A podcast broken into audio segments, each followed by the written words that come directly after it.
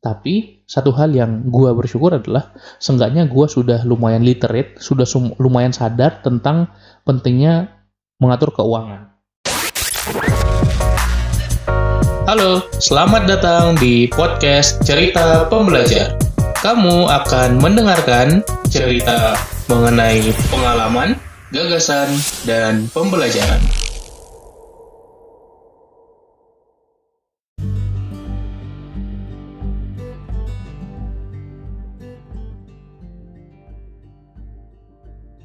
Hai hai sobat pembelajar, kembali lagi di podcast cerita pembelajar bareng gua Umar Al Faruqi yang akan nge-share pengalaman gua di podcast kali ini. Di season 7 ini The Story Behind gua akan ceritakan pengalaman yang pernah gua lalui dulu. Semoga ada manfaat yang bisa lo ambil. Gua akan cerita tentang ketika gua dapat uang yang banyak dalam satu waktu dan apa yang gua lakukan terhadap uang itu. Jadi, gua dapetin uang beasiswa bukan dari Indonesia tapi dari Swiss, Switzerland. Dan uang beasiswa itu banyak banget. Yes, di sini gua bakal bongkar angka lebih dari 65 juta. Dan gua langsung dapat dalam satu waktu, so gua kaget. Terus apa sih yang gua lakukan dengan uang itu? Itu yang akan gua bongkar di episode kali ini. So langsung aja, ini dia cerita di balik dapat beasiswa Swiss 65 juta. Cerita pembelajar season 7 The Story Behind Ketika gua kuliah di ITB, gua nggak pingin ngeberatin orang tua gua. Walaupun orang tua gua tentunya masih bisa membiayai biaya kuliah gua dan juga biaya hidup gue ya UKT dan juga biaya hidup di sana. Tapi gue pengen sebisa mungkin bisa hidup mandiri.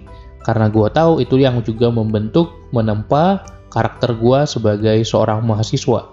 Akhirnya gue coba berbagai cara untuk bisa mendapatkan uang. Mulai dari bekerja mulai dari nyobain freelance ngajar dan akhirnya bisa terkumpul terkumpul terkumpul. Tapi gue tahu kalau gue mau lebih mudah untuk bisa menghandle biaya-biaya kuliah ini dengan cara sendiri, gue harus cari yang namanya beasiswa. Itulah kenapa sejak tingkat 2, tingkat 3, gue mulai mencari dan aktif ya, aktif mencari beasiswa-beasiswa. Sampai suatu ketika gue apply beasiswa, gue apply gagal, gue apply gagal. Banyak banget beasiswa yang gue daftarin tapi nggak pernah lolos. Dan ada satu beasiswa namanya beasiswa ABBJDF ABB itu adalah sebuah perusahaan elektronik yang headquarternya itu di Zurich, Switzerland ya, di Swiss. Dan gue pingin ikutan beasiswa itu juga. Karena ya katanya sih lumayan menguntungkan, lumayan banyak lah beasiswanya dapetnya. Ya udah, terus gue coba daftar dan prosesnya itu ada seleksi berkas, kemudian wawancara. Jadi gue ikutin proses-prosesnya, gue daftar, di lembaga kemahasiswaan ITB pada waktu itu. Gue lengkapi berkas-berkas yang ada. Gue sempat interview telepon sebentar. Terus ya gue beresin lah segala berkas-berkasnya. Alhamdulillah IP gue cukup dan gue bisa daftar. Jadi gue bersyukur juga dengan itu. Semoga bisa meringankan beban kuliah gue. Ya jadi kuliah gue itu kalau default maksimum itu 10 juta per semester kalau di ITB pas zaman gua ya. 10 juta per semester. Tapi itu bergantung pada kemampuan ekonomi orang tua juga gitu. Makanya kalau gua dapat subsidi jadi gua cuma bayarnya 6 juta setahun.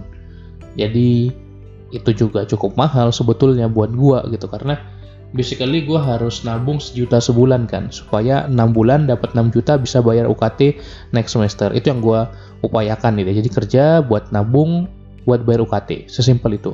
Tapi kalau udah ada beasiswa wah itu akan mempermudah banget. Kalau UKT aja di cover gitu ya gue bisa nabung untuk hal lain. Gue daftarin beasiswa ABB itu hingga akhirnya gue coba apply dan lolos seleksi berkas Kemudian gue diundang ke interview wawancara. Wah, gue udah latihan, harus siapin ngomong bahasa Inggris karena memang interviewnya in English. Tapi ya udah pede aja. Go, gue masuk ke ruangan wawancara dan di situ kita disambut sama HR dari ABB-nya ya human resource-nya ABB ada Bu Vivi ada Bu Santi kalau nggak salah dan mereka nanya-nanyain lah tentang interview seperti biasa gitu ya tentang gua tentang kenapa mau ikutan beasiswa ini tentang pandangan gua terhadap isu-isu yang ada di sekitar ya udah gua alhamdulillah fluent jawab dengan bahasa Inggris dan lolos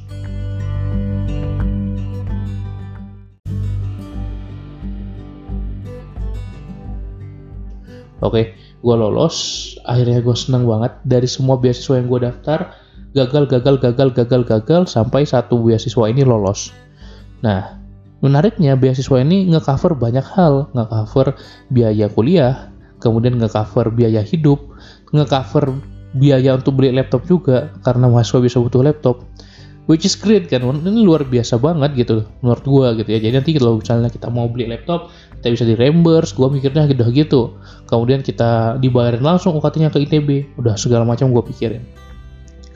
Terus ketika lolos lewatin proses administratif lainnya ya ngirim berkas-berkas karena ini pengelolaannya satu dunia ya pengelolaannya satu dunia dari berbagai mahasiswa-mahasiswa teknik elektro di seluruh dunia itu bisa ikutan. Nah, gue termasuk satu dari dua orang yang lolos yang dari ITB pada waktu itu dan kita juga berkesempatan untuk ikut event-event yang diadakan beberapa tahun sekali di Zurich. Tapi kebetulan ternyata gue nggak bisa ikut eventnya karena datang COVID di 2020 kemarin. Nah, pada akhirnya gue coba ikut bergabung dengan keluarga ABB terutama keluarga apa ya scholar ya. Scholar itu penerima beasiswa di ABB gue juga ikut factory visit. Gue bisa datang ke kantor mereka ke pabrik mereka ngelihat proses-proses dan seterusnya yang sangat menarik lah buat anak elektro sebetulnya karena harapan mereka mencari orang-orang yang brilian dikasih beasiswa supaya yang dapat beasiswa nanti intern di mereka atau kerja di mereka. Dan satu temen gue ya Owi namanya yang juga dapat beasiswa jadi kita berdua yang dapat dia sekarang udah kerja di ABB gitu. Jadi memang itu harapan mereka. Cuma sayangnya mereka dapetin gue yang salah jurusan yang nggak seneng electrical. Jadi ya too bad lah sebetulnya ya. Tapi gue hanya mau menceritakan dari sisi guanya. Ketika di Agustus 2018 kalau nggak salah gue dikasih uang beasiswanya dikirimin langsung dari luar negeri. Ya masuk ke rekening gua gitu masuk ke rekening gua. Terus ditanya Mar coba cek dulu ditanya sama HR-nya kan coba kalian cek dulu sudah masuk atau belum di rekening kalian. Dan dan yes masuk. Dan lu tahu mereka ngirimnya one time coy. Nggak nyicil nggak per semester dikirim nggak nggak kayak gitu nggak per bulan dikirim. Jadi tiba-tiba masuk uang ke rekening gua kalau nggak salah sekitar 65 atau 66 juta. Ya kaget dong gue sebagai anak sekolahan sebagai anak kuliah yang tiba-tiba dapat uang segitu langsung jeder langsung serasa orang kaya gitu. Banyak banget ya uang di rekening gue buset gitu loh. Gue sebenarnya di semester itu udah bayar UKT gitu kan. Dan mungkin ya mungkin. Mungkin budget buat beli uh, laptop UKT dan juga uang hidup ada di situ. Gue mikirnya gitu anggaplah satu tahun UKT gue kan 10 juta semester satu semester. Berarti satu tahun dua tahun 20 juta. Terus 20 juta ditambah mungkin beli laptop 15 juta anggaplah 35 30 jutanya buat biaya hidup setahun. Ya itu pikiran kasarnya aja lah ngitungnya. Pikiran gue seperti itu. Tapi toh UKT gue juga ada subsidi jadi gue sendiri yang ngebayar bukan mereka yang ngebayarin ke ITB ya akhirnya banyak uang yang nggak kepake gitu sebetulnya gitu. Karena gue juga masih ngajar-ngajar gue juga itu gue udah gak ini lagi nggak dikasih orang tua lagi uang gitu. Jadi sebenarnya gue dari ngajar-ngajar udah cukup banget gitu. Tiba-tiba dapat duit 65 juta jeder.